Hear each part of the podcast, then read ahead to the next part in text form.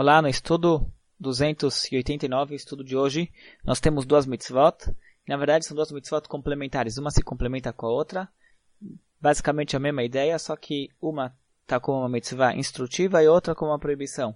Se trata da mitzvah de não atrasar o salário de um funcionário. Se alguém contratou uma pessoa para um serviço, então tem uma mitzvah instrutiva de pagar ele em dia e depois tem a proibição de atrasar esse salário, esse pagamento. Qual é o prazo? Então, a Torá está falando de um diarista, alguém que recebe o salário pela diária. E nesse caso, a Torá fala o seguinte: se ele foi contratado para fazer um serviço no período diurno, então o prazo do pagamento dele é toda noite que segue o dia do serviço.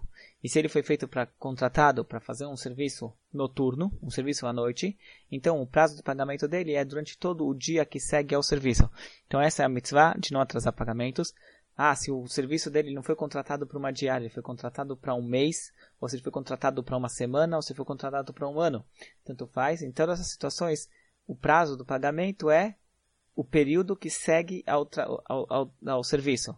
Então, se o, ele foi contratado por um mês e ele terminou o serviço durante o dia do, do, último dia do mês, então a noite que segue o complemento do mês, ao completar do mês, é quando é, é o prazo do pagamento desse funcionário é, se ele completou o serviço numa noite, na, noite no, na última noite do mês, então o prazo do pagamento dele é o dia seguinte a essa noite. Então ele tem um prazo de um período de 12 horas, basicamente, para pagar, pagar o serviço contratado.